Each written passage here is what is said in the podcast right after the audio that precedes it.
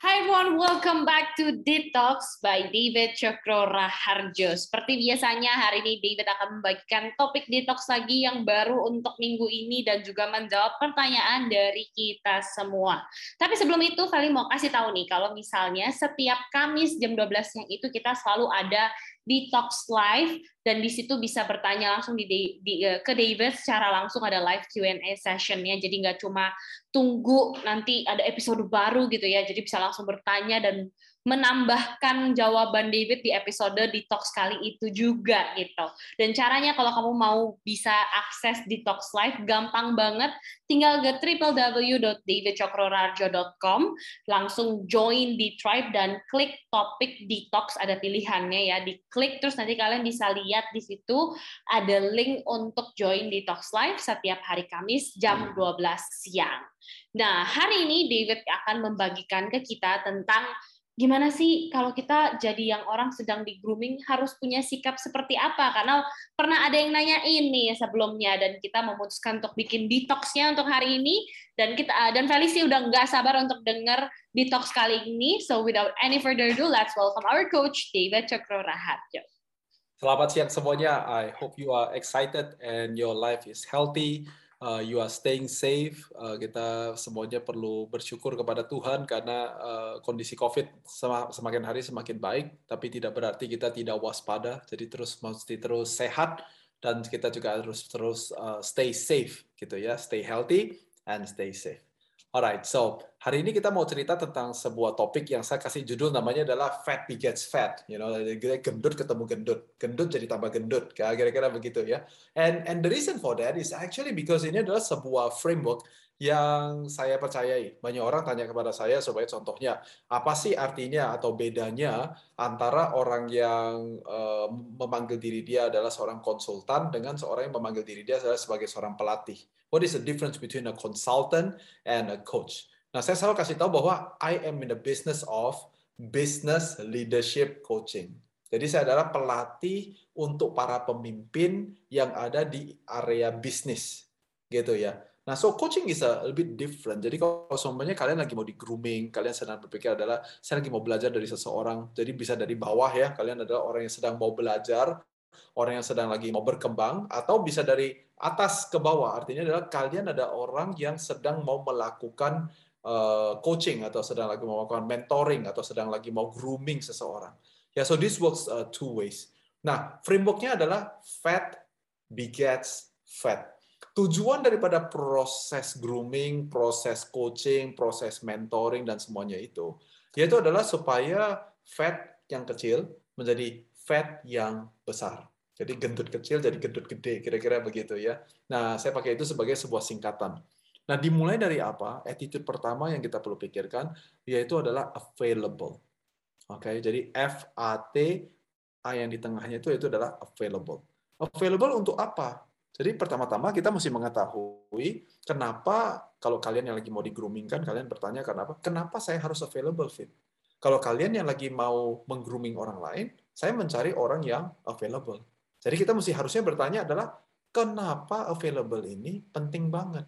Nah, jawabannya seharusnya adalah karena dari available begets fat yang berikutnya yaitu adalah cerita tentang bagaimana kita menjadi able. Jadi dari available menjadi able. Nah, itu tujuannya gitu. Nah, tetapi attitude daripada being available itu memiliki dua komponen lain. Jadi A itu diapit oleh F Jadi kalau kita mau benar-benar bilang, saya punya attitude yang available sebagai seorang coach, saya mencari orang yang available yang kayak apa. Nah, untuk kalian yang mungkin lagi mau di grooming, kalian bilang gini, gue available kok untuk coach, atau saya available kok untuk di grooming.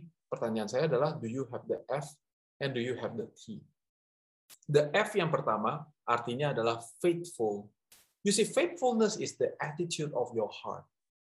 Untuk kita bisa setia dengan sesuatu itu merupakan uh, apa kondisi hati kita. Itu namanya attitude. Kita sudah tahu bahwa adalah attitude determines your altitude.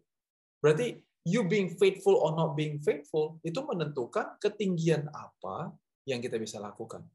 Saya yakin teman-teman semuanya, bahkan yang lebih muda daripada saya, kalian menyadari bahwa ada orang-orang yang kelihatannya punya sesuatu yang sangat luar biasa, bisnis yang sangat luar biasa, kesuksesan yang sangat luar biasa, tapi karena attitude-nya dia adalah faithful, tidak faithful, tapi faithless, faithful, faithless-nya, faithlessness-nya dia yang mengakibatkan dia tidak bisa mencapai ketinggian yang tinggi. Dia bangun sesuatu yang begitu besar, bahkan mungkin berdampak sangat luar biasa. Tapi somewhere along the line, dampak itu tidak bisa sampai kepada ketinggian yang baru. Bisnisnya suksesnya nggak kepalang tanggung. Tapi dia tidak bisa masuk ke level berikutnya. And the reason for that is because dia tidak available. Komponen pertama, sub attitude daripada available adalah being faithful, setia. Nah, ada orang-orang yang sebagai contohnya, Fit, gue mau dong dimentorin sama lu. Gue mau dong kita, oh, saya di uh, diajar, di coaching, you know, whatever language that you want to use. Tetapi kemudian pada saat saya ngajar sesuatu, dia tidak bisa faithful. Available nggak? Available tentu dalam hal ini bercerita tentang semuanya saya bilang besok jam 5.45 eh, pagi bangun ya ketemu sama saya. Nah, dia bisa make himself available jam 5.45 pagi. Tapi kemudian dia bisa datang dengan sikap yang tidak faithful. Dengan kata lain, faithless. Kalau kalian pernah nonton film Karate Kid sebagai contohnya. Pada saat dia disuruh naik ke atas, turun ke bawah, terus disuruh chat, naik turun, naik turun di satu titik si anak faithful nggak, uh, available nggak, available tiap hari datang nggak, datang, naik turun, naik turun gitu ya. Tapi nggak faithful, faithless yang ada. Jadi apa? Come on, Master, you have to teach me gimana caranya tinju, gimana caranya tendang, gimana caranya lompat, gimana caranya ini, caranya ini. Kenapa? Karena dia tidak setia dengan apa yang sudah diajarkan. You see, it is an attitude of the heart. Saya sebagai waktu kadang-kadang juga bisa mendapatkan diri saya faithless. Nah, salah satu attitude saya yang dikeluarkan, dituangkan menjadi sebuah disiplin adalah pada saat saya belajar sesuatu, khususnya pada saat saya umur 20-an, pada saat saya belajar sesuatu, saya belajarnya itu bukan cuma pakai available. Available itu artinya adalah jam, semuanya hari ini 5 jam saya mau belajar, gitu ya. Itu available. Tapi faithful itu mengkuatkan kita punya standing atau kita punya attitude, yaitu adalah pada saat saya menjadi faithful. Saya ambil satu topik atau saya ambil satu pembicara dan saya hanya dengarkan orang itu selama berapa lama. Kadang-kadang bisa tiga bulan, enam bulan, hanya dengerin satu orang aja dan seakan-akan tidak ada guru lain untuk bidang itu. Kata kuncinya adalah seakan-akan. Saya hanya belajar dari Valley sebagai contohnya, saya baca buku dia, saya pergi ke seminar dia, saya cari waktu dia, saya lakukan semuanya. Dan saya fokus dengan dia seakan-akan hanya ada satu orang di dunia ini yang hanya bisa mengajar topik itu. That's called faithful. Apakah kalian faithful? Nah, kalau kita nggak faithful, makanya nanti proses mentorship-nya, proses grooming-nya nggak jadi. Ini seperti contoh aja, contoh aja, boleh ketawa, nggak apa-apa. Yaitu adalah kemarin saya lihat kebetulan saya di rumah, jadi saya lagi eh, liatin dua anak laki saya, dan mereka lagi nonton sebuah video yang di mana belajar untuk bagaimana membuat uh, itu apa namanya ulet gitu ya. Nah kemudian pada saat dibikin si uh, guru di video kasih tahu kamu mesti kasih garisnya gini gini gini gini nanti dipotongnya gini gini gini. Nah anak saya yang kedua gambar dan gunting sesuai dengan instruksi. Tapi anak saya yang ketiga, saya terus dengar dia ngoceh di belakang. Dia bilang, untuk apa itu kayak gitu? Saya nggak perlu bikin kaki kayak gitu. Dia terus ngoceng, ngoceng, ngoceng, ngoceng. Jadi waktu malamnya saya bilang, coba kasih saya lihat kamu punya ulet jadinya kayak apa. Jadi uletnya cuma ada badan, tapi nggak ada kaki. Kenapa nggak ada kaki? Karena dia tidak ikut instruksi. Seperti itu juga kadang-kadang kalau kita lagi belajar bisnis. Seperti itu juga kalau kita kadang-kadang lagi jadi belajar mau jadi manajemen. Kita anggapnya adalah, aduh kayak gitu gue juga udah tahu. See, that is the attitude of your heart. Dan kalau kita tidak faithful, itu sebabnya nanti hasilnya nggak sesuai ability yang kita mau, nggak sesuai dengan harapan kita. Kenapa?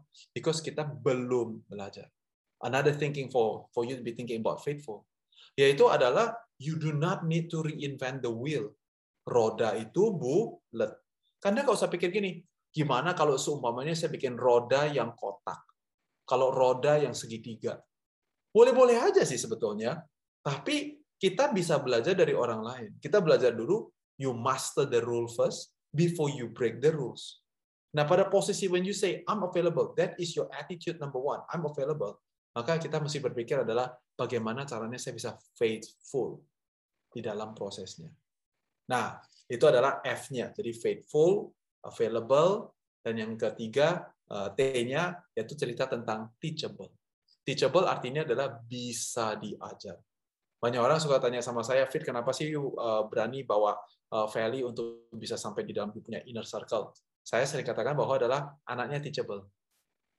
Dan actually, setiap kali saya merekomendasikan seseorang, khususnya yang muda-muda, ke organisasinya orang lain, kalau mereka tanya sama saya adalah, Fit, kalau ada satu alasan kenapa you berani untuk uh, taruh you punya nama baik untuk orang ini, kenapa?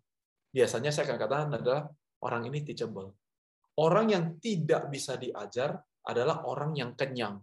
Saya baru makan siang barusan belum kenyang-kenyang banget. Tapi imagine kalau saya tadi makan 5 piring bakmi sebagai contohnya gitu ya. Saya pasti kenyang. Orang yang kenyang tidak bisa diajar. Karena full. Jadi setiap kali ngomongin, bawaannya kayak gini. Aduh, gak enak. Aduh, keasinan. Aduh, kepedesan. Aduh, kebesaran. Aduh, kekecilan. Aduh, ini. Nah, itu orang yang tidak bisa diajar. Orang yang bisa diajar, dia selalu lapar. Dikasih makan ayam goreng, dia bilang, wih, fit ayam goreng lo keren, makan enak. Dikasih makan telur, wih telurnya lihat sampai begini bagus. Dikasih makan bakmi, dia bilang, waduh enak banget. Diajarin apa aja selalu ada. Bahkan orang yang punya attitude hatinya adalah teachable, bukan hanya available, bukan hanya faithful, tapi teachable, adalah tipe-tipe yang gini. Pada saat saya mau improve orang itu, saya akan lakukan tiga hal yang kalian udah belajar dari saya. Saya akan memberikan evaluasi, saya akan memberikan sebuah penghakiman, dan yang orang paling nggak suka, dikasih kritikan. Nah, karena hari ini Feli yang mengangkat pembicaraan ini, saya langsung pakai dia sebagai contoh. Wah, khususnya mungkin dalam tiga bulan atau empat bulan atau lima bulan pertama, Feli uh, ikut saya, saya rasa kritikan saya itu kalau dibilang kritikannya David pedes, that is an understatement. Karena kalau saya kasih orang kritikan itu kritikannya nggak enak di telinga. Jadi, tapi bahkan dikasih kritikan, nanti kalau udah lewat gitu ya besok paginya saya tanya sama Feli gini, saya bilang, gimana? Masih semangat nggak ikut SIP? Masih buy-in nggak sama visi kita? Dia gini, nah, kalian nggak bisa lihat yang cuma dengar audio aja, tapi that's exactly what she did. And dia akan bilang, enggak kok, kok, I gak tersinggung. Ya memang memang salah ya, kenapa harus tersinggung? Itu yang dia ucapkan. You see, that is an attitude. Kita bisa lihatnya dari sisi lain. Oh, bos gua garang, men. Bos gua gini, gini, gini, gini, gini. Enggak. You see, if you talk about attitude pada saat kita mau grooming orang lain atau kalian lagi mau grooming orang lain, saya mau cari atau saya mau menjadi orang yang teachable. Jadi saya nggak cuma cerita available. Available harus di uh, punya apa namanya uh, uh, satu uh, beban yang membuat dia menjadi imbang. Yang satu namanya adalah dia harus menjadi faithful. Yang satu lagi namanya adalah dia mesti menjadi orang yang teachable. Nah, fat begets fat. Tujuannya untuk apa? Kalau kalian mau pilih seorang mentor, atau kalian sedang mentoring orang lain, ini yang hasilnya mesti jelas. Jadi dari fat kecil menjadi fat besar. After you available, tujuannya adalah untuk menjadi able. Oke, okay? so kalau saya cari orang yang saya mau grooming, saya mau cari orang yang available yang bisa saya jadikan able. Jadi mungkin orang ini available, dia faithful, dia teachable, tapi saya nggak melihat ada apa yang saya bisa berikan kepada orang ini sehingga dia bisa jadi able. Itu adalah satu grooming proses yang salah. Itu adalah sebuah coaching relationship yang salah. Jadi jangan cuma cari orang yang available. Wah ini orang karena faithful sama gue nih. Orangnya bisa teachable. Lu ambil. Tapi kita nggak tahu mau dijadiin apa. Nah itu menurut saya relationship yang salah. Atau kalian mau, wah karena mentornya keren banget gitu. Tapi even after you being available, you being faithful, you being teachable, tapi hasilnya apa? Jadi able nggak? Nah, ini adalah attitude kedua yang penting. Karena kamu sebagai yang mau di grooming, kamu harus tahu, I know what ability I'm trying to build through this available process. Kalau saya, kalian adalah seperti saya yang memberikan mentorship. Berarti saya juga tahu, apa yang saya mau bikin dia jadi bisanya ini apa. Itu sebabnya saya menyebut diri saya adalah business leadership coach. Saya adalah pelatih, saya adalah coach untuk leader. Saya bukan performance coach. Saya bukan gimana cara bikin revenue jadi besar punya coach. I'm not that type of a coach. I'm a leadership coach. Tapi spesifik di dunia bisnis, bukan di dunia penggambar, bukan di dunia arsitek, bukan di dunia penyanyi, dunia politik, dunia edukasi, dunianya bisnis. So the ability that I would build berarti ada di dunia business and leadership. Nah, buat kalian apa yang kalian cari? Kalau bukan cari business and leadership ya jangan di sini dong. Betul ya? Kalau iya, oke okay, ada di sini. Nah, jadi ini penting ability ya. Jadi available menjadi able, small fat menjadi big fat. Oke, jadi fat begets fat. Nah, sama juga ability juga memiliki dua buah eh, F dan T yang kita perlu perhatikan bersama-sama. Yaitu F yang pertama, eh, F-nya adalah functional. Berguna, berfungsi, bisa dipakai, bisa diaplikasikan. Inilah coaching yang sebenar-benarnya. Inilah mentorship yang sebenarnya grooming proses, delegasi. Ini yang penting. Jadi menjadi fungsional, bukan untuk menjadi teori. Lah kalau teori aja nggak ada gunanya. Okay? nah this falls also in the umbrella of your attitude. Karena kalau cuma teori, teori diciptakan untuk diperdebatkan. Tetapi fungsi itu diciptakan supaya apa? Bisa berguna. Jadi ini adalah dua hal yang berbeda. Jadi saya tidak lagi berkata bahwa tidak boleh berteori, enggak. Tapi dalam konteks grooming, dalam konteks coaching, dalam konteks delegating, kita lagi cerita tentang ability yang fungsional, yang bisa difungsikan, digunakan, bukan yang untuk diperdebatkan. Nah ini yang kadang-kadang banyak orang bilang adalah saya mau dimentorin, and then kemudian dia yang mau tangkap teorinya, bukan fungsinya, karena teori yang mau ditangkap maka hasilnya menjadi perdebatan atau mungkin menjadi sebuah akademi atau menjadi sebuah doktrin atau menjadi sebuah filosofi, tapi organisasinya nggak bergerak. Salahnya di mana? Because you're looking for theory. Ability di dalam coaching harus atau dalam mentorship atau dalam delegasi sekali lagi harus berhubungan dengan fungsi, functional. Oke, okay? baru yang eh, berikutnya yang T-nya adalah tempered. Ya, kalau kalian pernah dengar ada namanya temper glass atau kita kalau kalau orang bikin coklat gitu ya ada adalah ada tempered chocolate. Nah, tempered itu artinya adalah dipukul, dikocok, dibakar, dilakukan sebuah proses tertentu sehingga menjadi sama rata. Ini adalah cara saya untuk mengatakan bahwa adalah ability yang kita mau adalah ability yang bisa diuniversalkan, yang bisa kita pakai di dalam semua kasus. There is no such thing as universally universal. Nggak ada. Di dunia ini nggak ada yang universally universal. Tetapi ada sesuatu yang kita bilang begini, kalau dalam bisnis sebagai contohnya, ability yang mau diasah adalah ability adalah kalau di industri saya, maka ini adalah yang kita sebut dengan here ada rules of thumbs. Gitu ya. Nah, rules of thumbs itu adalah tempered ability. Jadi kalau di dunia ini pasti jalan deh. Oke, okay?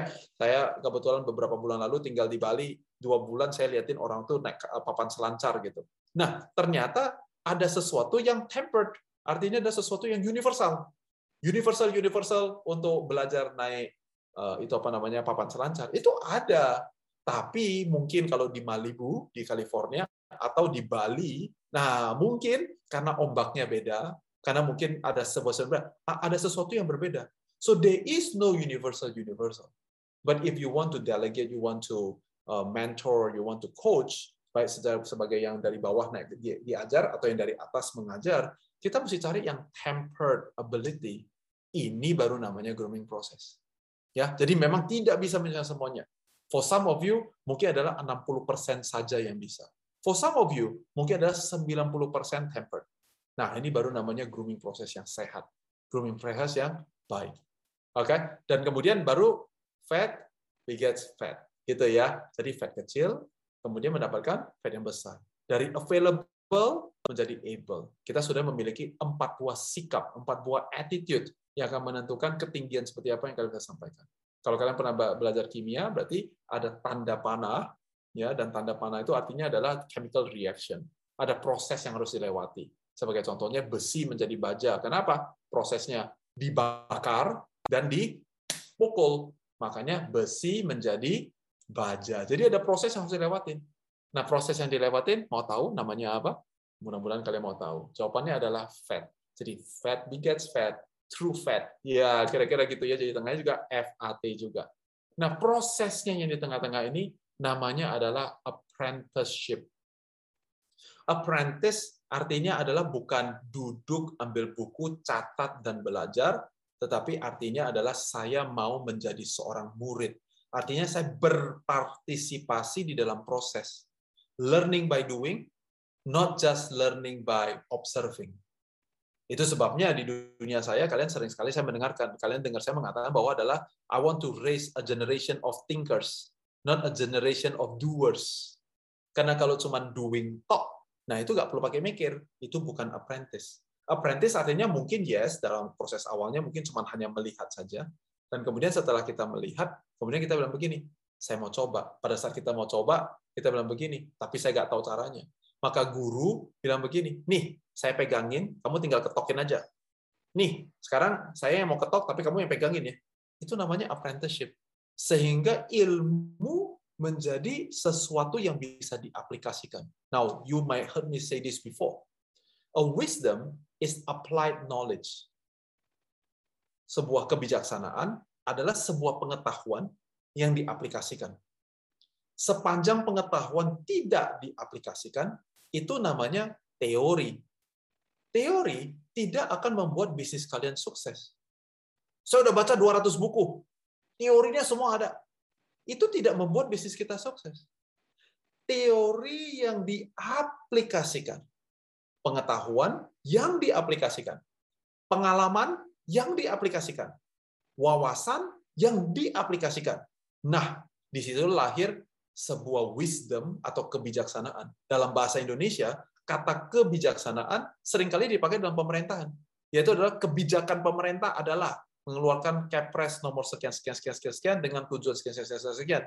Itu namanya diaplikasikan. Kenapa disebut sebagai sebuah kebijakan? Karena di dalamnya merupakan findings atau research atau knowledge atau insights yang kemudian pada saat dia diolah tidak menjadi sebuah teori tapi teori yang diaplikasikan. Nah, itulah menjadi sebuah wisdom atau menjadi sebuah peraturan, menjadi sebuah policy. So the same way with this, apprenticeship looks like that. Kebetulan teman-teman yang tidak bisa melihat di sini di back end daripada uh, cara kita membuat podcast kita pada siang hari ini, di sini ada teman kita namanya Sinsin. Kita panggil dia Sinsin, nama dia Faustina. You so anyway, Sinsin adalah orang yang dulunya available, oke? Okay? Dan kemudian pokoknya kita ada acara apa aja dia catat semuanya, alright? And he remains faithful, nggak dengerin yang lain. Sampai-sampai gimana? Ada pertanyaan, udah gak cari buku lain, gak tanya orang lain, yang ditanya siapa? David Melulu. Nah, D M L L, nah, David Melulu, gitu ya kan? And that's what she does. Itu contohnya. Berarti attitude-nya adalah I'm not just available, I'm faithful, and I'm teachable. Nah, waktu saya lihat, saya bilang gini, oke, okay, sekarang ini bisnisnya adalah dagang asuransi, you know uh, memberikan uh, financial services oke okay, kayak gitu. Saya bilang oh, oke okay, we understand that world a little bit. Oke okay, jadi ability-nya belum jelas. Tapi dalam konteks personal leadership oh jelas saya tahu ability apa yang kita bisa bangun. Karena itu kita bilang adalah uh, kita bikinin uh, uh, nama baru di dalam organisasi kita namanya adalah SIP patrons. Artinya adalah orang-orang yang bukan cuma tahu siapa David tapi percaya sama David kita kasih nama SIP patron. Dia bilang, Sin, mau nggak jadi kita punya SIP patron 001? Nah, kira-kira begitu. Agen 001. Dia bilang, oh ya mau dong. Wah, saya terhormat banget. Gitu kan. Terus, tapi saya nggak saya nggak mau gratis, saya mau bayar katanya. Jadi even if you're looking at the storyline by itself, menunjukkan bagaimana dia memiliki attitude yang berbeda dengan orang-orang yang biasa-biasanya. Udah dikasih gratis masih bilang nggak mau, mau bayar. Akhirnya terima gratis. Terima gratis, dia bilang gini, kalau gitu gue mau sponsorin orang lain. You see, it shows that first part of the, the, the attitude is already in the right place. Nah, tugas kita adalah sekarang pergi ke ability. Nah, sekarang sinsinnya baru-baru ini kira-kira mungkin sebulan atau satu bulan setengah yang lalu bikin PO bantu tantenya jualan bakmi. Bakmi dari pematang siantar.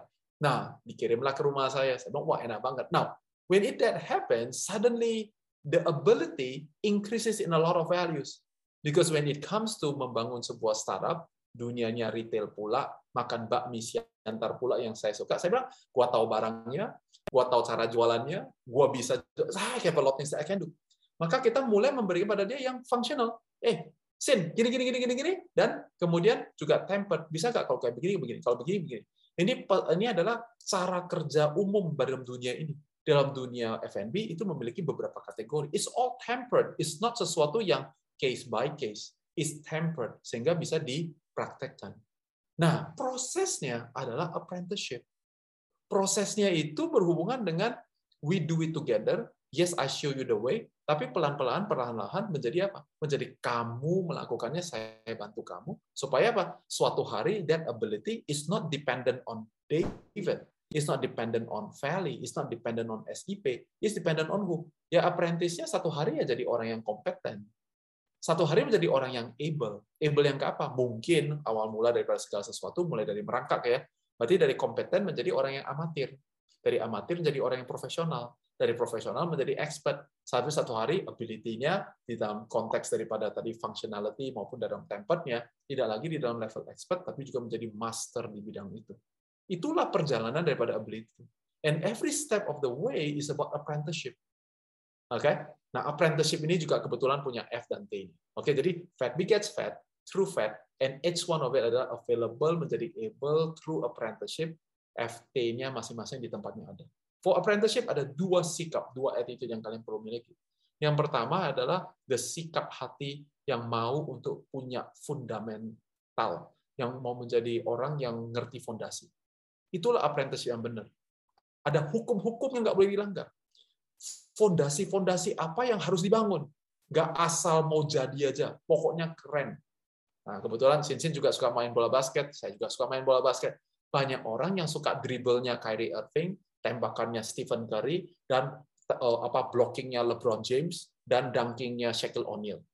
Maunya yang kerennya doang, tapi tidak mau melewati the fundamental ways of playing basketball every true basketball player dia tahu bahwa dia harus bisa dribble bola, dia harus bisa tembak bola, dan dia harus bisa uh, passing bola. Itu merupakan tiga basic skill. Itu namanya fundamentals. Do you know dalam bisnis juga ada fundamental yang tidak boleh dilanggar. Di dalam industri kalian masing-masing juga ada fundamental-fundamental yang tidak boleh tidak dilakukan. Gak bisa cuma bilang adalah pokoknya gue jago jualan. Kalau urusan uh, itu accounting hitung-hitungan tuh ah itu nggak penting. See, when I groom Valley to become the next CEO of SIP, saya mesti bilang sama Valley, Val, for this particular period of time, you gak bisa bilang gini, I'm not a finance guy kok. Saya gak sekolah finance. Jadi saya gak mau tahu tentang penjualan. Saya gak mau tahu tentang hitung-hitungan. Nah, itu namanya adalah tidak mau ngerti fundamentals. Maunya yang keren doang. Look, detail gua. CEO of SIP. Cuman maunya gitu doang. Saya dipanggil uh, ibu bos. Saya mau cuma itu doang. Itu nggak itu bukan apprenticeship. Nggak bisa. Itu sebabnya kalau kalian bisa menggarisbawahi kata apprentice itu sebetulnya sikap yang paling penting di dalamnya adalah humility. Harus punya kerendahan hati. Karena hanya orang yang rendah hati, hanya orang yang lapar yang bisa melewati proses ini. And that is sebuah attitude yang cantik sekali. Kalau kalian pernah ketemu orang kayak begitu, you gonna find like, aduh orang ini gampang deh diajak kerja. Nah, sekarang mulai terbuka ya mudah-mudahan ya. Atau yang ada kayak menjengkelkan sekali kalau kerja sama orang ini. Kenapa? Gak bisa diajak. Lantasan sikit-sikit maunya apa? Yang cepat, yang apa? Gak mau lewatin proses. Tapi apprenticeship harus melewati proses. Proses pertama namanya adalah foundation, fundamental. Baru T-nya adalah teknik. Nah, teknik ya. Teknik itu artinya apa?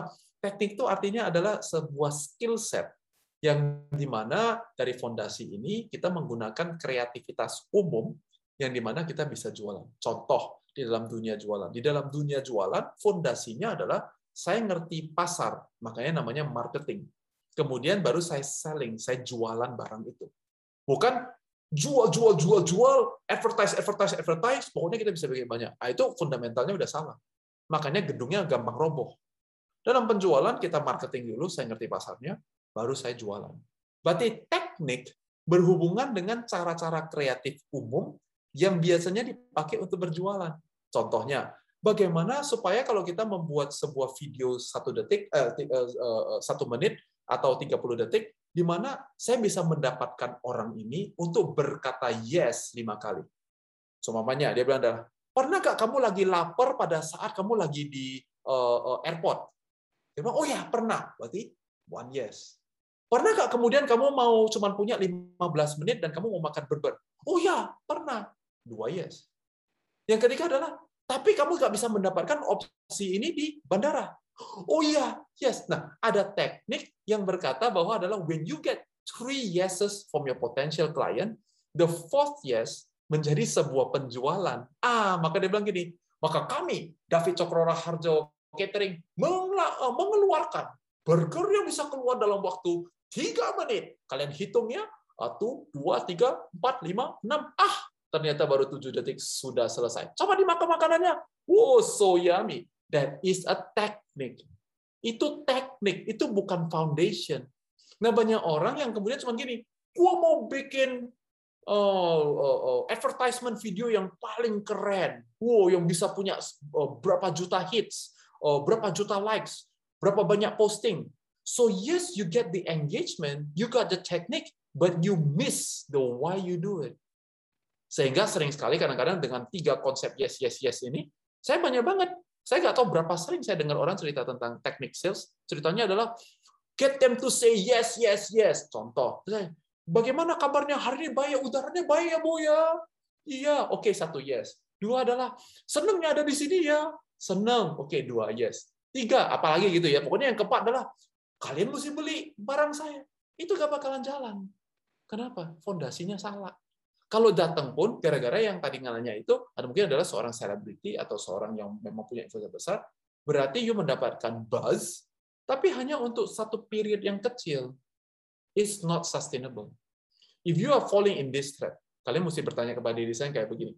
Kalau seumpamanya selebriti itu atau whatever it is yang bisa bikin cool factor itu dikeluarkan daripada bisnis kalian, is your business still sustainable? For some of you, you're saying that, well, but I'm going to be around for another 20 years. Here's the question. 20 tahun dari sekarang, terus kamu ada di mana? Do you still want to do that? Jawabannya, oh enggak dong, I want to move on. Berarti waktu you move on, perusahaannya mati dong. Bukankah itu definisi penuh daripada sustainability? So you see, you gotta be an apprentice. You have to have an attitude of humble. Karena orang yang rendah hati, dia ngerti, dia lewatin prosesnya kembali kepada teman kita di Karate Kid, dia mesti lewatin apprenticeship-nya yang disuruh chat naik, chat turun, chat naik, chat turun. Habis itu chat ke kanan, chat ke kiri, chat ke kanan, chat ke kiri. Terus apa? Uh, apa?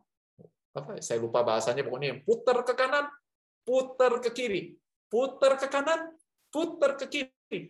And it is fundamentals. And then si gurunya eh, Miyagi mengajarkan bahwa kanan, kiri, naik, ah, atau whatever it may be. Obviously, saya bukan coach untuk bela diri, jadi saya tidak akan melakukannya. But you see what I mean? Pada saat fundamentalnya kuat, teknik umumnya diajarkan, eh, jadi karate kid. Baru yang terakhir, yang terakhir, ini yang keren, yang banyak orang cari. Namanya adalah trik. Trik itu sifatnya tidak universal. Laku di Jakarta, belum tentu laku di Surabaya laku di Jakarta dan Surabaya belum tentu laku di Singapura. Laku di Jakarta, Surabaya, Singapura belum tentu laku di Asia Tenggara. Laku di Asia Tenggara belum tentu laku di Asia Tengah. And so on, and so on, and so on. Ada kemiripan, tapi enggak. Itu namanya trik. Trik itu bukan tipuan. Trik itu artinya adalah kayak kalau Anda punya rumah, rumah Anda sudah 10 tahun, 20 tahun tinggalnya di Indonesia, kadang-kadang ada pintu yang kayak gini nih. Mesti diangkat sedikit, ya pintunya bisa buka tapi kalau langsung ditarik, pintunya kayak kunci nggak bisa. Itu triknya cuma laku di rumah kamu. Di rumah orang lain nggak laku. Di rumah orang lain mungkin adalah mesti di apa digeser ke kiri sedikit supaya karena kayunya udah mulai mengembang gitu. Geser kiri sedikit ah, pintunya kebuka and so and so on. It's tricks and it is something yang kita sudah pernah sebutkan kalau kalian sering ketemu sama saya. Namanya adalah the secret recipe to the secret recipe of greatness is nothing. That's trick. Sesuatu yang bikin perusahaan kita jadi beda sama orang lain, tim kita beda sama timnya orang lain, padahal kagak ada secret recipe apa-apa. Because it's built on uh, techniques that is universal and is built on fundamentals that is crucial for your organization. Jadi dengan framework ini, uh, itulah mungkin menurut saya adalah uh, uh, sebuah attitude atau bukan sebuah ya, tapi beberapa attitude yang kita perlu miliki untuk bisa menggroom orang lain atau di grup oleh orang lain. Super awesome. Semoga yang beberapa waktu lalu pernah nanya dengan pertanyaan ini terjawab sudah um, dan berguna juga buat yang mungkin baru mendengar, mendengarkan detox pada episode kali ini. Anyway, ini pertanyaan dari live, live audience sudah lumayan banyak, jadi saya akan mulai tanyain satu persatu. Nah, pertanyaan yang paling pertama ini adalah nanyanya gini, what if kita nggak menemukan orang yang grooming kita? Apakah framework ini bisa kita apply untuk diri kita sendiri? Dan kalau bisa, gimana caranya? Great question, and jawabannya adalah yes, yes, yes, yes, yes, yes, yes, yes, yes, yes, yes, yes. Saya tidak mulai perjalanan saya dengan cari orang. Ya, uh, let me give you uh, uh, apa apa yang saya maksud dengan itu. Makanya saya bilang uh, available is an attitude, right? Faithfulness is an attitude. Teachable is an attitude. Jadi apa yang saya lakukan? Apa yang saya lakukan adalah um, saya mengambil uh, apa namanya? Kalau saya lagi belajar sesuatu, Uh, contohnya pada saat saya lagi belajar John C. Maxwell. Long time before saya pernah ada di dalam satu ruangan dengan John Maxwell, saya nggak kenal dia, saya nggak punya akses kepada dia, saya nggak tahu dia tinggal di mana, saya nggak tahu uh, apa, I don't know anything. So you know what I did? What I did adalah saya beli John Maxwell hari ini sudah tulis exactly 100 buku. Oke, okay, dari 100 buku itu, saya paling sedikit baca mungkin 80. Karena saya tahu ada buku dia yang tua banget yang saya cari-cari pada zaman itu nggak kedapatan. Itu artinya adalah being available, being faithful, and being teachable. Jadi kalian bisa dapat guru, bisa dapat mentor, bisa dapat coach, walaupun orang itu mungkin tidak available buat kalian. Jadi saya ambil. Nah kemudian bagaimana caranya bisa jadi jadi ability? Nah sekali lagi, saya sudah tadi bilang, ability berarti adalah functional dan tempered. Artinya adalah pada saat saya baca buku itu, guys, kemudian saya cari apa yang saya mau belajar. Saya mau belajar tentang leadership, right? Karena kalian sekarang cerita tentang leadership begitu banyak pada kalian yang bilang begini, Fit, lu ngomong leadership itu ya, gak pakai notes, gak pakai apa, ditanyain jawabnya segala macam. Do you understand? Saya baca 80, 80 buku daripada John Maxwell. 80. Sedangkan buat kalian mungkin kalian uh, suka dia, kalian cuma baca dua atau tiga buku terakhir dia. Atau mungkin cuma baca 10 buku yang paling terkenal. Saya baca semuanya. Oke, okay? pada saat saya dengar tentang Marcus Buckingham, cerita tentang Strength Finder, dari semua buku Marcus Buckingham, semuanya saya baca semuanya. Semua blog yang dia tulis, semuanya saya baca. Di mana ada video dia, semuanya saya baca. Semuanya. Semuanya. Oke, okay? dan itu yang mengakibatkan saya mampu untuk uh, self uh, coaching. Saya uh, otodidak ngajarin diri sendiri. Tapi attitude-nya tetap sama. I was being available. Pada saat saya lagi baca 80 bukunya John Maxwell, saya tidak baca bukunya orang lain. Saya hanya baca buku dia. I remain faithful and I want to be teachable. I don't make my own theory. I tulis terus. Saya nggak tahu berapa puluh buku. Saya baca buku dia 80, tapi jurnal saya tentang leadership dari belajar dari satu orang yang namanya adalah John Maxwell juga berpuluh-puluh buku. Gak sampai 80, tapi berpuluh-puluh buku. Oke, okay? dan kemudian ada orang lagi uh, lain namanya Peter Drucker dan dia adalah leadership guru juga, tapi sebenarnya menurut saya lebih arah ke manajemen daripada ke arah leadership. Tapi sama juga, saya ambil tuh bukunya Peter Drucker semuanya, saya bacain semuanya. Lama kelamaan saya baru tahu ternyata ada satu orang tua yang lebih tua lagi pada mereka semuanya. Oke, saya ambil lagi buku dia. Waduh, orang ini di ada tulis mungkin 200-300 buku. Saya juga nggak pernah baca 200 But I took maybe approximately 50 to 70 of his books. Dan saya ambil semuanya, dan kemudian saya baca lagi. Ngerti gak? Nah, jadi nggak nggak cuman randomly ambil ambil ambil ambil ambil ambil buku. Nah, sekarang kalian tidak ada mentor, sekarang kalian tidak ada coach. Here's what will happen. Satu hari kalian akan punya that window of opportunity pada saat kalian lagi berbicara, ya kan? Kemudian orang dia bilang, wah, orang ini pemikirannya tentang leadership matang ya. That's where opportunity arise. Kamu dipanggil untuk, eh, ayo bicara di sini yuk. Kalau itu kalau untuk saya ya. Kemudian kamu training dong di sini, kamu gini dong. Nah, opportunity opportunity itu yang se overtime, kemudian saya masuk ke satu green room, ke green room berikutnya, ke green room berikutnya. Dulu baca bukunya, sekarang kenal pernah nyopo sama orangnya. Habis nyopo sekarang pernah minum kopi sama dia. Habis pernah minum kopi, pernah makan siang sama dia. Habis makan siang, pernah naik panggung bareng-bareng. Dan slowly but surely, 10 tahun, 20 tahun kemudian, this is where I am. Tapi saya mulainya seperti kalian, believe it or not.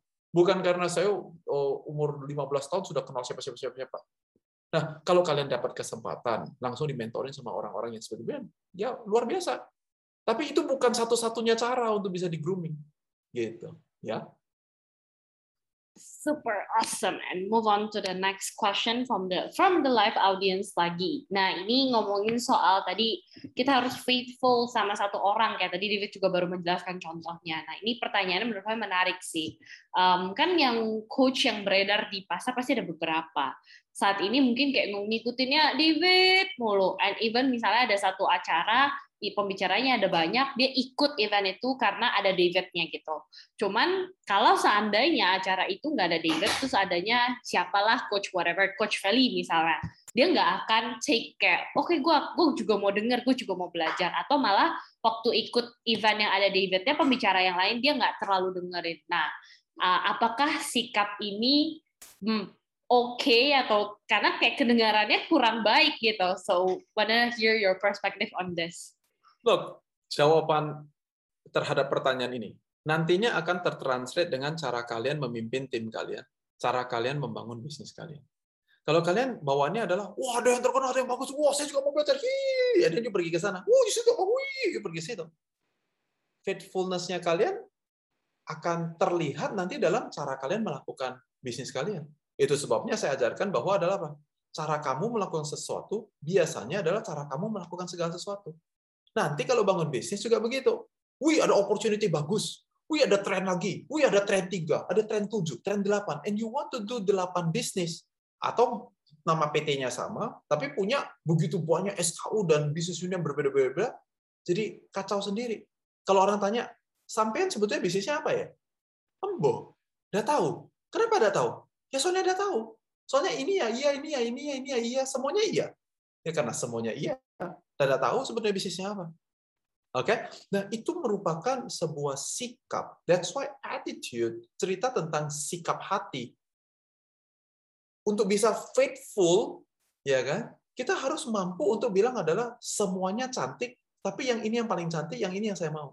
Atau semuanya cantik, tapi saya pilih yang cantik yang ketiga karena saya maunya yang ini. Itu sebabnya Anda bisa available untuk masuk di dalam sebuah pernikahan, tidak menjamin bahwa suami atau istri itu faithful di dalam pernikahan itu. Karena kesetiaan ada hubungannya dengan being available. Pada saat dia bilang, iya gue mau jadi suami lo, iya gue mau jadi istri lo. Itu merupakan cerita tentang available. And that is a worthy, untuk uh, yang layak untuk kita bilang tepukin, sorakin, dan itu adalah attitude yang bagus. Karena banyak orang yang mau punya dapat segala-galanya kecuali komitmen untuk masuk dalam pernikahan itu. Itu namanya tidak available, betul nggak? Tapi orang-orang yang tidak menikah suka bilang begini, aduh, untuk apa sih udah masuk dalam pernikahan? Toh masih banyak yang uh, apa jajanan di luar di mana-mana. Nah, kira-kira begitu ya. Kalau nggak ngerti, nggak usah ngerti juga, nggak apa-apa. Alright? But because that is a, that is not a questions of availability. That is a questions of faithfulness. Yang lebih dalam lagi apa? Attitude of teachability. Artinya adalah kalau kita bilang gini, contoh saya dan istri saya, udah dua, lebih daripada 20 tahun kami bersama-sama. Kalau saya bilangnya adalah, been dead dan dead lah. Aduh, lu cerita pernikahan, aduh, gue udah tahu deh segala-galanya. Hari Sabtu ini, sore, ada satu organisasi yang mengundang saya dan istri saya untuk berbicara di seminar pernikahan. Dan kemudian apa yang saya lakukan bukan begini. Lo orang duduk, diam, ambil kertas, gua kasih tahu. Enggak, saya tanya begini. Boleh nggak tolong kasih saya pertanyaan? Nah, saya sudah excited untuk acara hari Sabtu ini. Kenapa tahu nggak? Karena sudah ada lebih daripada 25 pertanyaan yang ditanyakan kepada kami. You see, if I don't have the right attitude, saya bilang begini, ah, apa sih pertanyaan kayak gini?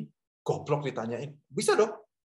Tapi saya malah mempersiapkan Mentimeter untuk memfasilitasi karena pertanyaan 25 biji, waktunya cuma 90 menit. There is no way saya bisa selesaikan dalam 90 menit. Jadi saya bikinkan Mentimeter supaya saya bisa menjadi solusi. Ini tanda-tanda orang yang teachable. Saya bikin contoh ini supaya teman-teman bisa melihat dengan jelas contoh yang masih saya kerjakan hari ini. Bagaimana caranya punya teachable heart. Karena saya ada di dalam posisi baca 20 atau 200 buku tentang marriage uh, uh, marriage book saya sudah selesaikan soalnya. Saya sudah ikut countless webinars. Saya sudah saya sudah lewatin banyak. Tapi untuk supaya attitude saya tetap menjadi attitude orang yang bisa diajar, saya harus lapar. Saya harus kosong perutnya, nggak boleh kenyang. Nah, oleh karena itu, dalam posisi saya malah menjadi bertanya. Ya, jadi ini sebuah prinsip yang sangat penting sekali. Kalau kita miss it out, uh, again, attitude kita yang ke nantinya akan menentukan uh, ketinggian apa atau next level seperti apa yang uh, bisa terjadi dalam kehidupan kita. Oke, okay? apa itu cukup menjawab, Fel, atau mungkin mau dijabarkan lebih dalam? Go ahead. Um, ada dia ada nambahin sih lebih ke sini, tapi konteksnya adalah um, apa dia sadar kayak oh kayaknya gue nggak terlalu dengerin coach yang lain tapi gue dengerin banget nih coach misalnya Feli gak, dia nggak dengerin coach Feli tapi serius banget dengerin coach David tapi dia ngerasa kok kayaknya coach David itu masih mau loh belajar dari coach Feli nah jadinya dia ngerasa apa gue yang salah ya? Kayaknya gue kurang rajin belajar atau gue sudah menutup diri nggak mau belajar. So ya itu penambahannya tadi Ya, so uh, tentu nggak apa-apa ya. Sebagai contohnya, saya sampai hari ini seperti yang kalian tahu, saya saya masih uh, uh, uh, ini ini bocoran aja ya. Tadi mungkin di dalam tiga minggu sampai lima minggu ke depan kita uh, rencana akan launching satu uh, program baru yang namanya adalah surprise. Untuk kalian yang sudah ikut di sosial media, kalian tahu bahwa surprise adalah topik besar yang saya bawa. This is about personal leadership. This is about the science of overtaking. Bagaimana kita mengejar ketertinggalan kita, gitu ya. Nah, jadi dalam konteks ini berarti saya membuat sebuah program lagi. Nah, buat kalian yang masih muda-muda, kalian lagi lagi membangun karir kalian, lagi mulai startup, lagi di kuliah mungkin, kalian mungkin bilang adalah, iya nih saya dalam posisi ketertinggalan, coach. So your faithfulness should come in that form. Jangan campur aduk, ngerti gak? Karena kalau campur aduk, apalagi kalau semuanya kalian mendengarkan sebuah teori yang di mana ada tiga komponen utama yang saya ajarkan. Oke, sekali lagi saya ngajarnya ini apprenticeship-nya ini ada ada fundamentalnya, guys. Yaitu apa? Yaitu adalah standard of excellence, utmost understanding, and repeated success. Oke, itu menunya saya. Nah, kalau semuanya kalian kemudian ambil menu lain, yang kemudian ceritanya bukan standard of excellence, tapi adalah mengejar tren.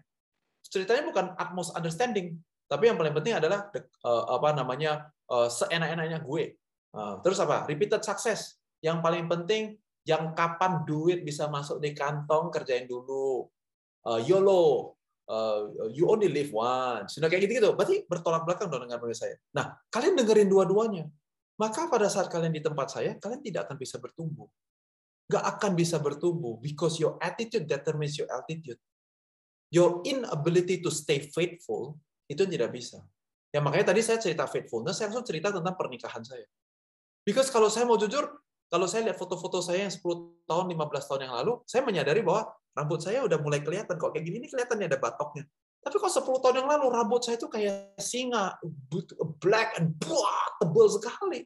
So if if if if the faithfulness of my wife is determined on whether rambutnya menipis atau tidak menipis, ya kan? Itu akan sangat uh, uh, kita tidak akan mampu. Jadi kita mesti ngerti bahwa apa yang kita mau stay faithful di seperti apa fundamentalnya seperti apa. Nah, jadi mungkin itu yang bisa dipakai sebagai garis bawah. Nah, tapi kalau saudara ceritanya adalah kita cerita utmost understanding. Dan kemudian ada orang ngajarin kalian semuanya design thinking management. Dan design thinking management mencoba untuk menjawab satu pertanyaan, yaitu adalah HCW. How could we? How could we what? How could we make this experience better? How can we make this uh, uh, uh product cheaper? You know, how can we bring this product global dan so. Oke, okay. berarti cerita tentang utmost understanding kan. Nah, itu menjadi pelengkap. Nah, maka dalam konteks ini mungkin yang perlu kalian pertimbangkan adalah yang mana yang adalah yang uh, makanan pokok, yang mana yang adalah suplemen. Nah, itu akan terreflect di dalam paling sedikit tiga hal yang kalian lakukan. Yang pertama adalah the amount of time that you use to be in that activity.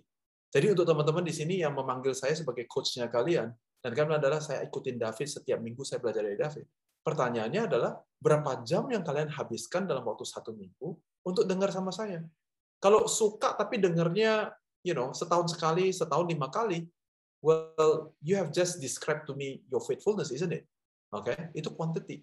Yang kedua adalah uang, gitu ya. Begitu banyak acara-acara kita sifatnya adalah gratis atau highly affordable.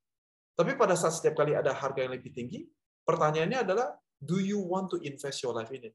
Saya lakukan ini mungkin ada seperempat jualan, tapi bukan karena saya lagi mau jualan. I'm telling you because I was you many many many years ago. Pada saat saya pergi ke acara-acara, saya habisnya bukan berapa puluh dolar atau 100 dolar, habisnya itu ribuan US dollar. Cuma hanya untuk duduk dua jam dengerin orang bicara. ribuan US dollar berarti berapa puluh juta rupiah. Jadi kalau acara-acara kita ini, ini karena nanya jadi saya jawab gitu ya. Jadi saya berpikir bahwa kalau saya bikin acara saya available buat kalian dan harganya 30 juta, 50 juta, tentu gak ada yang hadir dan saya pikir juga mungkin kapasitasnya tidak ada. Oleh karena itu kalau kita bikin harganya cuma 158 ribu, 1,98 juta, you should be having the mindset of like, okay, I'm faithful, I'm just gonna pay for it. And you know why? Because it's so cheap. It's so cheap. Nah, kira-kira begitu ya. Dan yang ketiga, yaitu adalah orang-orang yang ada di sekitar kamu. Pada saat you are faithful with somebody, you will suddenly be faithful to a group of people. I openly tell you guys bahwa interest saya adalah bola basket. Oleh karena itu, teman-teman saya banyak orang basket. Nah, tadi kita mention Sinsin ya. Part of it adalah because dia bilang, gua ngerti kalau David lagi ngomong bola basket. Biasanya kalau kaumnya adalah Hawa, wanita, agak jarang bisa connect sama David. Soalnya David suka cerita bola basket. Kan nggak banyak gitu ya eh, yang yang suka bola basket. Jadi biasanya suka bola basket nempel langsung. Wah tadi gua trip gua ngerti itu. Wah ada rebound, ini gua ngerti itu. Karena terminologi terminologi basket. You see? Jadi orang-orang yang ada di dalam kumpulan kita tiba-tiba juga semuanya harusnya menjadi sama. So if you get inside a group, 10 ruangan, 9 ruangan selalu adalah suaranya sumbang sendiri. Eh, sebenarnya di situlah kita, kalian mungkin menganggap saya sebagai suplemen, bukan sebagai your main apa uh, diet yang kalian lagi mau kerjakan dalam kehidupan kalian. Ya, having said that, saya tidak di sini untuk kasih tahu adalah saya adalah orang paling pintar, saya adalah orang paling baik, saya adalah orang segala-galanya. I, you be the judge of that. Kalau kalian rasa adalah kita adalah orang yang tepat, apa yang kalian mungkin perlu pelajari hari ini, berarti saya mesti punya attitude yang benar. Dengan attitude yang benar, saya akan naik ke level-level berikutnya. Oke, okay? kalau semuanya satu hari kalian begini, ah David mah ngomong, ditanya pertanyaan tuh Feli nanya, di kepala gua aja udah kepikir, dia pasti mau ngomong ini nih. Nah, itu artinya apprenticeship kalian tuh udah levelnya udah tinggi. Nah, pertanyaannya kalau untuk yang kalian udah lakukan itu cuma satu, diaplikasikan nggak? Karena saya ngajar kalian berdasarkan pengalaman hidup saya, berdasarkan apa yang saya praktekkan. Bukan, saya bukan tukang bikin teori. Saya menjelaskan tentang stres, saya ceritakan tentang performance, saya cerita tentang excellence, semuanya berdasarkan apa yang saya lakukan. Itu menjadi salah satu alasan saya nggak perlu PowerPoint, saya nggak perlu any type of notes untuk menjawab kalian. Karena memang benar-benar datang daripada pengalaman saya, pengetahuan saya, wawasan saya, tapi memang benar, saya adalah seorang coach. Berarti saya secara sengaja ngambil waktu untuk mendoktrinasikan atau membuat framework kerangka kerja untuk apa yang saya mau sampaikan pada kalian. Itu aja yang berbeda daripada yang lain-lainnya. Oke? Okay? So I'm gonna stop there because I can keep on going on, but that's my answer. Oke, okay, super awesome. Hopefully sudah menjawab dan ini waktunya juga sudah hampir habis, jadi mungkin Feli kasih one quick question terakhir. Sedikit out of topic, cuman menarik nih, karena membahas tentang faithfulness, tadi David juga ada nyinggung sedikit tentang kesetiaan dalam marriage. Soalnya ada pertanyaan kayak gini, sebuah ketidaksetiaan itu biasanya berawal dari kurang sabar. Dan mungkin orang-orang yang udah lewat sebuah masa dalam bisnis atau pekerjaannya lebih paham tentang kata kesabaran ini. Jadi pertanyaan di sini adalah how to manage our kesabaran supaya nggak kebablasan menjadi ketidaksetiaan. Well, nomor satu, you have just projected yourself. Kalau Anda merasa bahwa tidak setia karena tidak sabar, itu adalah proyeksi dengan ketidaksabaran Anda sendiri, sehingga you need to be careful that maybe you are feeling the having the need of like you feel like that's it, I want to give up everything that we say is very often on context like this adalah proyeksi daripada diri kita sendiri. Contohnya ada orang yang mengatakan ketidaksetiaan tidak dari bukan dari ketidaksabaran, tapi adalah karena tidak mendapatkan apa yang dia harapkan. Makanya udah deh kayak gini-gini aja gua kagak mau. Bye bye. Nah, kira-kira begitu. Nah, jadi ketidaksetiaan ini um, um, perlu dijabarkan proyeksinya dari mana. Nah, tapi dalam konteks pertanyaan yang ditanyakan itu adalah bagaimana menjadi uh, bisa lebih sabar uh, I think there is no other ways untuk mengetahui bahwa adalah uh, uh, uh, sebagai seorang pemimpin we always have to be uh, uh, mengerti kata konsep daripada grace, mercy, and favor. Tiga kata. Grace artinya adalah sesuatu yang saya terima padahal saya tidak layak untuk terima. Itu namanya grace. Karena kalau kita cuma ngotot dan lihat kepada yang tidak sesuai, yang kita tidak dapatkan, kita tidak hidup by grace, kita tidak mampu untuk appreciate proses yang sedang dijalankan. Mercy artinya adalah tidak mendapatkan sesuatu yang seharusnya saya dapatkan. If you are being honest, apa pun yang sedang kamu tidak tidak sabar tentang hal itu, seperti pepatah orang Indonesia mengatakan adalah telunjuk menunjuk kamu, tapi tiga jari menunjuk diri sendiri. Artinya adalah kalau kamu bilang adalah saya nggak sabar deh sama Feli karena Feli itu orangnya A. Oke, aktivitas A itu very likely ada tiga yang nunjuk balik ke saya. Sehingga you actually have to live by mercy, mengetahui bahwa adalah if, kalau dengan judgment yang sama kita berikan kepada Feli, maka judgment yang sama harus diberikan kepada David tiga kali lipat. Itu namanya live with mercy. Dan yang terakhir adalah live favor-minded. Oke, okay? Uh, saya live dengan favor minded. Saya tidak hidup di dunia yang fantasi, yang segala sesuatu sesuai dengan kehendak saya. Tapi I live with favor minded. Favor minded itu artinya gini, saya percaya bahwa hari ini saya hidup hujan datang demi David. You know, dapat parkiran nggak dapat parkiran gara-gara untuk David. Saya ada punya value di tim saya karena saya orang yang punya favor. Segala sesuatu buat saya adalah untuk itu. Jadi saya tidak tidak tidak mata saya tidak fokus kepada yang yang ini kurang, yang ini kurang, yang ini kurang, yang ini kurang. Oke, okay? uh, if you follow me quite uh, often, kalian juga pernah dengar saya bilang begini, yaitu adalah kita mesti easily please, but hard to be satisfied. Easily please artinya adalah mudah untuk disenangkan. Orang yang hidup uh, by grace, with mercy, and favor-minded, dia itu easily please. Easily please. Jadi gimana cara supaya, supaya sabar? Easily please. Nah, gampang disenangkan, tapi sulit untuk dipuaskan. Jadi makan enak gak? Enak. Senang? Senang. Tapi sudah sudah cukup? Nggak cukup. Nggak cukup apa? Nggak cukup banyak, nggak cukup manis, nggak cukup asin, nggak cukup asam. Boleh nggak? Boleh. Nah itu. Nah sehingga dari situ, you selalu hidup, satu kita humble, tapi satu lagi, you always hungry. Karena kita punya ambisi. Jadi ingat ya, saya nggak pernah ngajarin Feli, saya nggak pernah ngajarin siapa-siapa untuk jadi orang yang nggak punya ambisi. Saya harusnya menjadi contoh untuk kalian semuanya, di mana saya puas, saya senang dengan tim saya, tapi saya nggak pernah puas. Saya punya ambisi yang besar. Saya punya mimpi yang besar untuk bangsa dan negara kita. Saya mau melakukan yang besar, saya nggak melakukan yang kecil. Tapi segala sesuatu yang sekarang ini kita lagi punyai, saya senang banget dengan prestasi kita. Itu adalah dua cara. Nah, dengan cara demikian, uh, I'm gonna tell you bahwa uh, saya menjadi jauh lebih sabar. Tadi semuanya contoh supaya bisa diaplikasikan. Pada saat saya gregetan dan saya kepengen kayak mau keluarkan, you know, abukennya saya semuanya ke orang kayak begitu, kemampuan saya untuk bisa senang dan tidak puas memberitahu suara saya bahwa ini, ini perjalanan 10 tahun yang baru dijalankan satu tahun. Atau kalau 4-3 tahun yang lalu, ini adalah perjalanan tiga tahun mencapai titik nol yang masih baru dijalankan enam bulan fit. Jadi tidak puas, eh, kesenangan saya tercapai karena wow, That is how much we have done as a company. Tapi tidak puas karena still so many things to do. Still so many things to improve. Salah satu promise, janji yang saya berikan kepada tim saya. Saya bilang adalah, kamu tidak akan pernah bisa kehilangan pekerjaan kerja untuk David. Dan nanti today, empat tahun kemudian, sudah pernah kehilangan kerjaan, Vel? Tentu tidak. Tentu tidak. Karena saya tidak pernah puas. Saya ada sesuatu yang kita bisa improve again and again.